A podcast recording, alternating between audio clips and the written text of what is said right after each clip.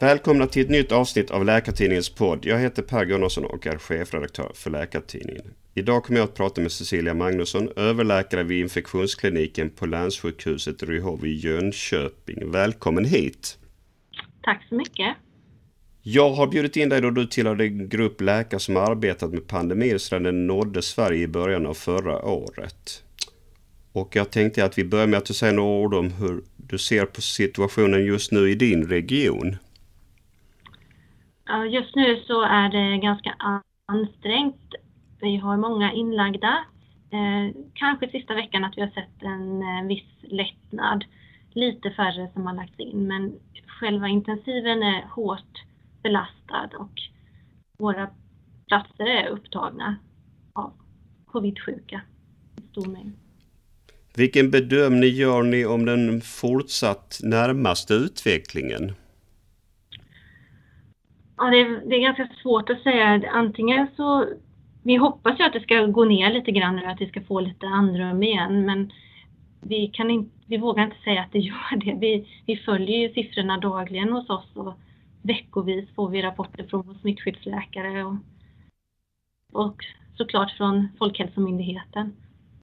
Men vi ser inte den här ökningen som vi såg från vecka 44 och fram till jul, utan det är mer en platåfas just nu känner jag. Du, innan vi går vidare tänkte jag att du skulle få presentera dig själv lite grann. Hur har din läkarkarriär sett ut så här långt?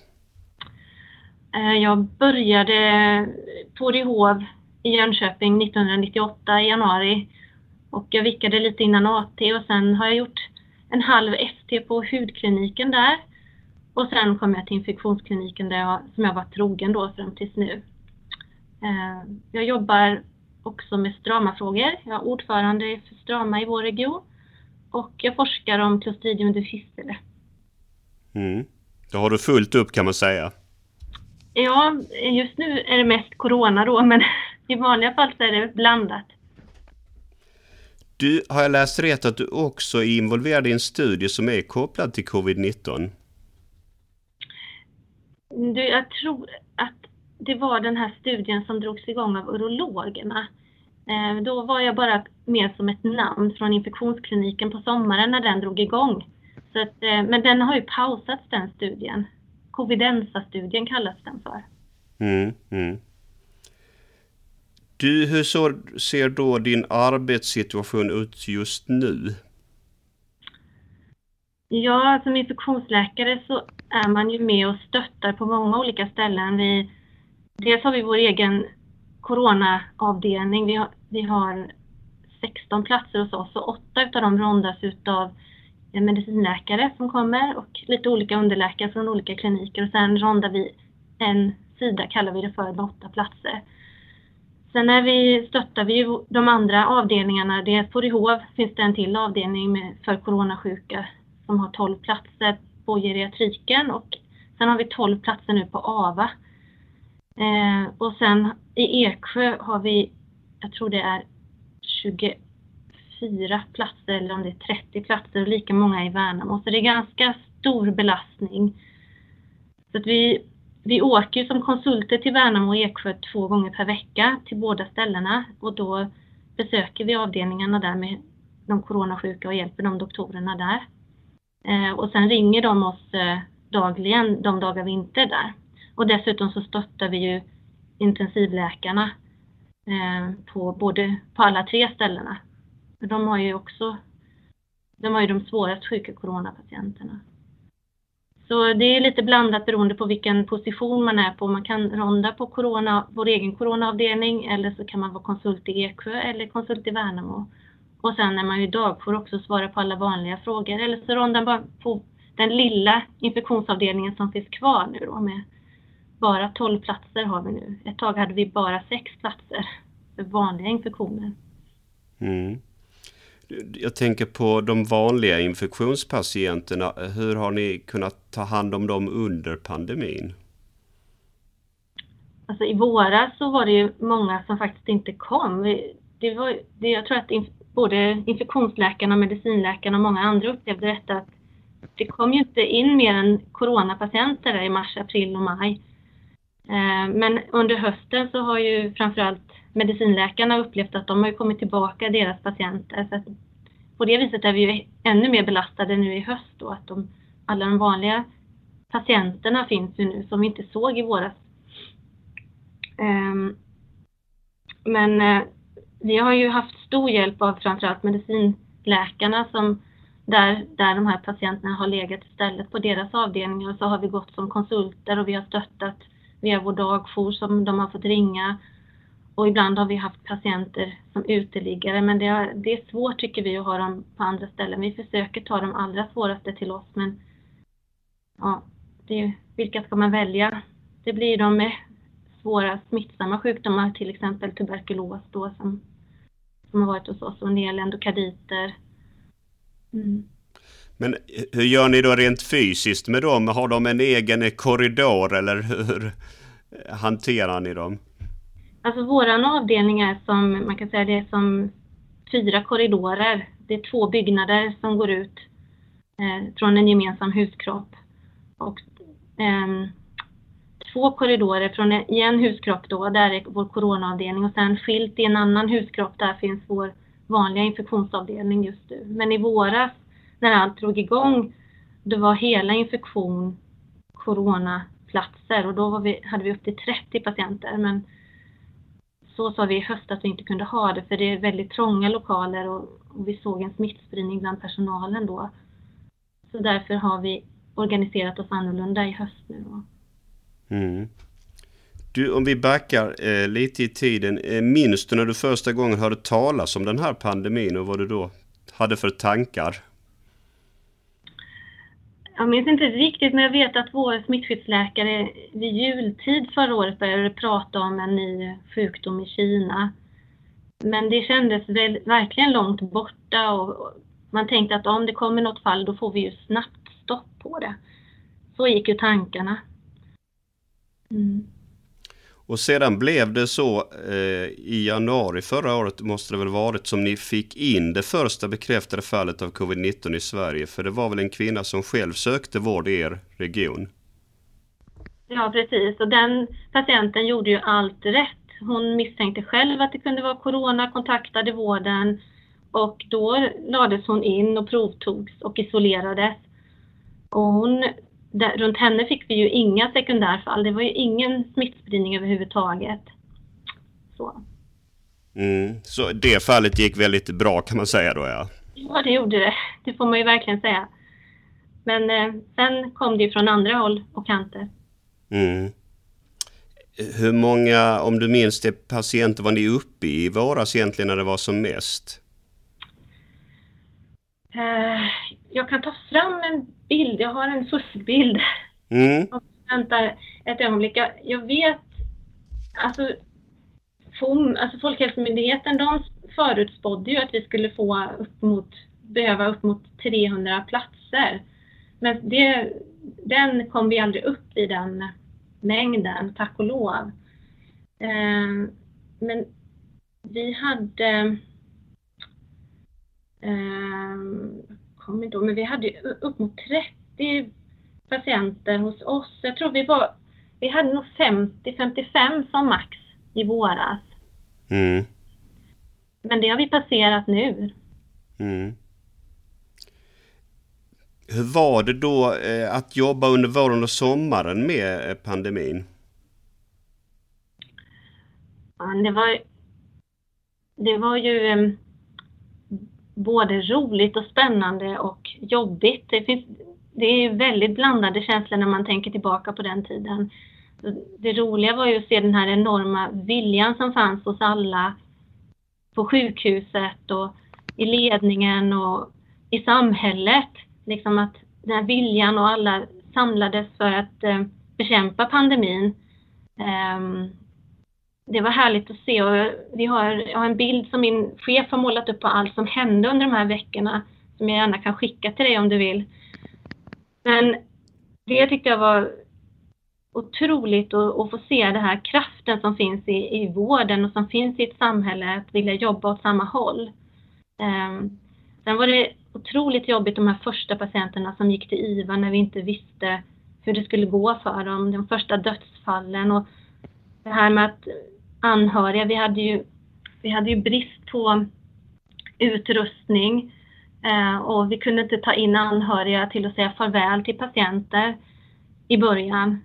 Det var, otro, det var hjärtskärande när anhöriga fick säga farväl på telefon ibland eller att man inte vågade komma. Och sen var det en otrolig glädje när den första patienten kom tillbaka från IVA och hade överlevt. Vår avdelning ligger på markplan och det var, jag kommer ihåg en vårdag när jag cyklade hem från jobbet och såg hur anhöriga hängde in genom fönstret där på markplan för att och kunna prata med sin, sin närstående som hade kommit tillbaka från intensiven. Och hur det värmde hjärtat liksom att någon hade i alla fall klarat det här då. Mm. Det har jag hört eh, och säkert hört från andra arbetsplatser. Dels du säger om att det blev en gemenskap bland personalen när man jobbade koncentrerat mot ett mål. Men också det här att det var påfrestande att inte kunna erbjuda de anhöriga e-, e-, ett bättre omhändertagande. Mm. Verkligen.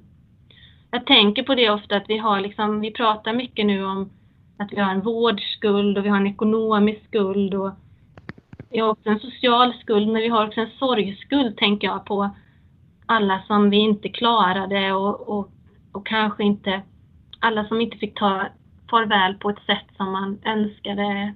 Så. Jag tror att vi kommer få bära med oss mycket av den biten också i framtiden. Och när vi hinner med de här efterlevnadssamtalen som jag hoppas kommer, att få bearbeta det. Mm. Har ni haft tid, tycker du, inom arbetets ram att prata om en sån här sak? I våras hade vi våra eh, sjukhuspastorer och präster kom två gånger i veckan och man kunde få komma och prata med dem och ha reflektionsgrupper. Eh, vi har inte haft det under hösten. Jag tror inte att vi har haft samma behov så möjligtvis. Men det är väldigt olika. Man, man måste ju reflektera själv Eh, kanske hemma eller med andra så gott det går, men det är svårt att förklara för de som inte ser hur vi jobbar. Så. Jag önskar att vi hade haft mer tid att reflektera. Vi har försökt det och vi har en jättebra chef som har öppnat upp för det, men det är alltid svårt att få tid för alla och, och allt. Och man behöver reflektera på olika sätt såklart. Mm. Sen kom då hösten och en bit in på den så blev det en extremt belastad situation inom vården. Hade du någon aning på att det kunde bli så som det har blivit? Alltså jag tänkte att det nog kunde bli mycket igen under hösten, men inte så som det blev. Det trodde jag faktiskt inte. Um, eller jag hoppades verkligen inte att det skulle ha blivit så.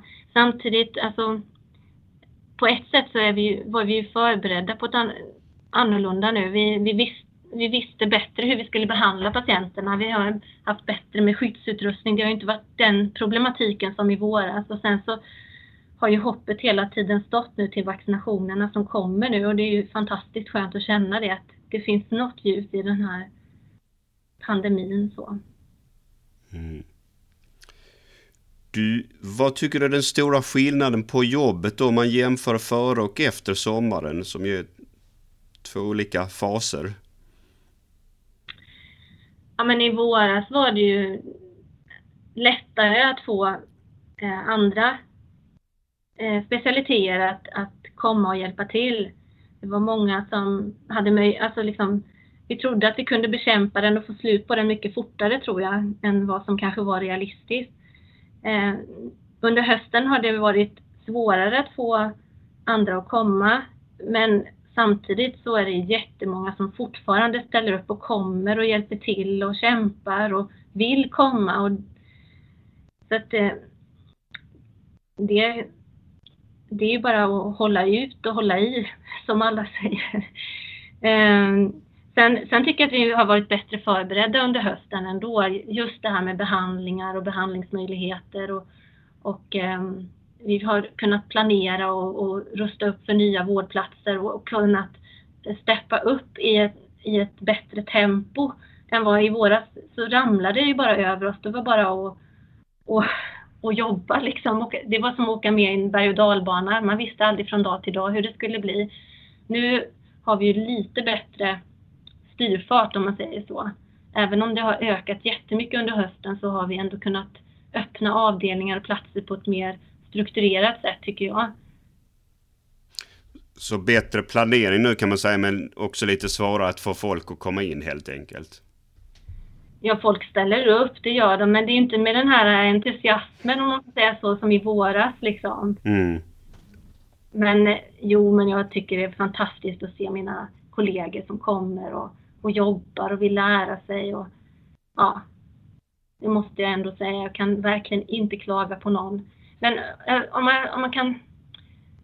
Ja, men tänk dig själv hur det var i våras. Liksom det, um, ja, men man tänkte att det här är snart över och, och det var ju ingen som, som ifrågasatte någon svensk strategi på det viset. Nu tycker jag det ifrågasätts från höger och vänster och det är väl det här att vi, vi vill få en ände på det och vi, vi man undrar ju liksom om, eh, om det hade varit annorlunda om Sverige hade gjort annorlunda. Men eh, ja, det blir ju så. I början tror jag att när man, när man står inför ett hot så tar alla och, och försöker satsa med gemensamma krafter och sen, sen börjar man tänka lite mer när tar det slut och hur ska vi göra liksom och, och varför och ja.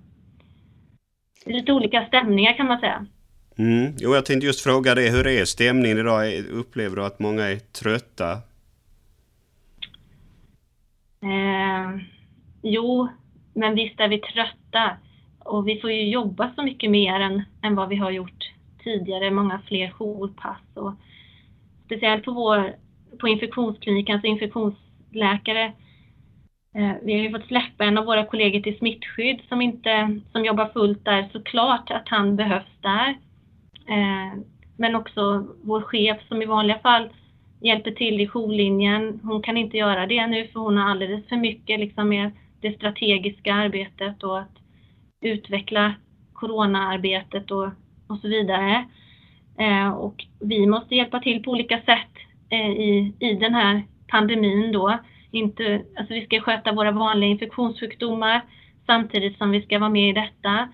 Eh, så att det, det är roligt men det är också, tar ju energi och det är klart att vi är trötta. Och, men eh, det är ju som alla andra, vi kan inte göra så mycket på fritiden. Det är bara att återhämta sig. Man går och jobbar och sen går man hem och återhämtar sig. Mm. Det blir ju så i, i den tillvaro som råder nu ja. Ja, precis. Du, har ni blivit vaccinerade ännu? Ni som jobbar i verksamheten? Ja, vi fick eh, eh för två veckor sedan så vaccinerades intensivvårdspersonalen. Eh, och förra veckan så fick vi på infektionskliniken och de som jobbar med corona den första sprutan. Så ja, vi, vi som är närmast de coronasjuka har fått den första, de allra flesta av oss. Mm. Vi är inte riktigt färdiga tror jag inte, men de allra flesta har fått det. Mm. Och det känns bra? Ja, men det är ju lite som ljuset i tunneln. Det känns lite hoppfullt nu tycker jag. Du, nu har ju människor börjat jobba igen efter jul och nyårshelgerna och då har det ju funnits en oro för um, att detta skulle leda till mer smitta. Är det något som ni har sett i er region? Nej, inte än faktiskt. Ehm, utan toppen nåddes ju liksom där precis vid jul och nyår tyckte jag. Då var vi uppe på över 100 patienter inlagda en dag. Ehm, nu är vi på, igår var det 86 inlagda Ehm, så att ehm, nej, det, vi är på en platå tror jag, upplever jag det som. Så jag har inte sett någon ökning sedan skolorna började eller arbetsplatserna drog igång mer. Men jag tror att många har ju anpassat sig till det här nya normala och det är väldigt många som jobbar hemifrån som kan och så. Du, om vi går vidare och pratar om själva sjukdomen covid-19, har du några spontana reflektioner kring den? Jag tänker att, eh, att det har en så lömsk sjukdom. Den har ju verkligen visat alla möjliga liksom, ansikten från inga symptom till jättesvårt sjuka och Ja, den är verkligen lurig tycker jag och det här med smittsamheten som vi inte riktigt begriper den. Varför smittas en del så otroligt lätt och en del patienter bryter ju smittbarriären direkt. Alltså en del har ju inga sekundärfall. Jag tycker det är jättesvårt att förstå hur vi kan ha så stor smittspridning ibland och ibland har vi ingen smittspridning. Ja. Den är spännande på det viset. Kan man säga något om vilka de stora skillnaderna är om man ser på hur patienterna mådde före respektive efter sommaren? Nej, det tycker jag inte. Alltså nu, vi får ju, man pratar ju mer om de här som mår dåligt lång tid efter att ha haft corona, men det är ju inte så konstigt att vi får fler sådana här fall eh, eftersom det är fler som har haft det och, och, det har gått en längre tid sedan de första fallen. Så, men eh, jag kan inte se att, att det är någon skillnad. Det, det, är, det är fortfarande patienter som kommer in och är jättedåliga utan att ha sökt, sökt alltså de söker sent i förloppet tycker jag. Trots att vi är ute och ber att de kommer in i tid. Jag tror inte man känner hur dålig man är när man ligger i sängen hemma. Eh, men nu ska vi börja jobba hos oss och försöka hitta dem tidigare. Ringa upp mer aktivt och fråga de som är positiva hur de mår och så. Okej, så en, en ökad kontakt med dem helt enkelt? Ja. Men det är också så att det har varit människor som inte ens har gått och testat sig som kommer till akuten och direkt hamnar på intensiven.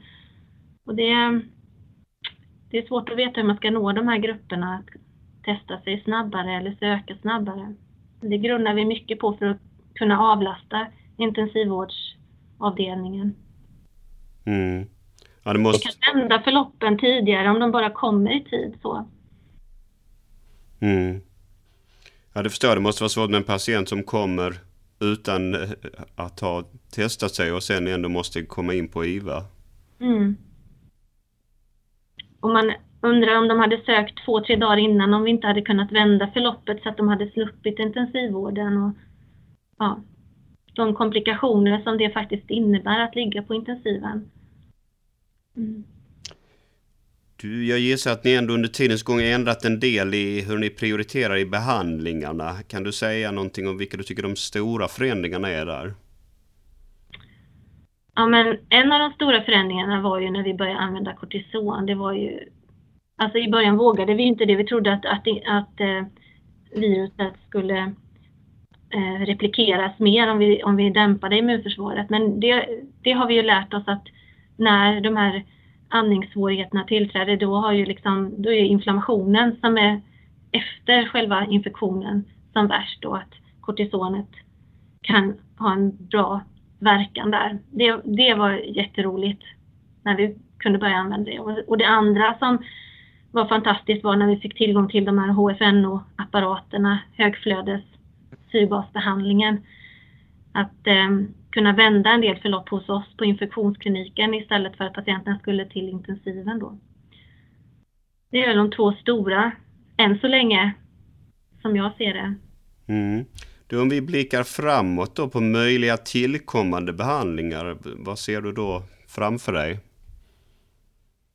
Ja, man hoppas ju att det ska komma någon, eh, någonting med eh, något som dämpar virusreplikationen man kan sätta in från början. Eh, vi har ju ett preparat nu men jag, vi ser inte så stor nytta av den. Eh, men det hoppas jag ju på. Sen hoppas jag ju mycket på vaccinet såklart. Men vi får väl se. Mm. Jag tänkte också på en tredje behandling som vi fick där. Den allra första det var ju när vi började ge eh, blodtunnan eh, till de här patienterna, Inohep. Det var ju en del patienter som fick proppar i lungorna i början. Det, var, det får ju alla blodtunnande som läggs in på sjukhus och även på äldreboenden när de får corona och blir stillaliggande. Mm. Jag tror jag också har räddat många liv. Så på det sättet kan man ju säga att nu när det har gått ett år då sedan första patienten så har ju ändå eh, behandlingen och omhändertagandet utvecklats en, en, en hel del. Absolut har det gjort det. Och det är ju jätteskönt. Vi har ju mycket att erbjuda. Mm. Du, jag tycker att det börjar bli eh, dags att avrunda lite. Har du något perspektiv framåt när du tror att ni kommer få andas ut lite mer? Och jag vågar nästan inte tänka. Men jag, jag, jag tror ju definitivt i sommaren att det kommer bli antingen att det ebbar ut då om, om folk verkligen vaccinerar sig och det inte blir för mycket mutationer och så vidare. Men, men eh, innan dess så har jag svårt att tro att, att det här lugnar sig. För, alltså mycket, kanske det enda att det dämpar sig men, men inte att det tar slut. Det gör det inte, det tror jag inte. Då vill jag tacka så mycket för att du ville vara med här idag och jag ska säga att denna inspelning görs den 25 januari 2021. Om ett tag kommer nästa avsnitt av denna podd. Eh, hej då så länge!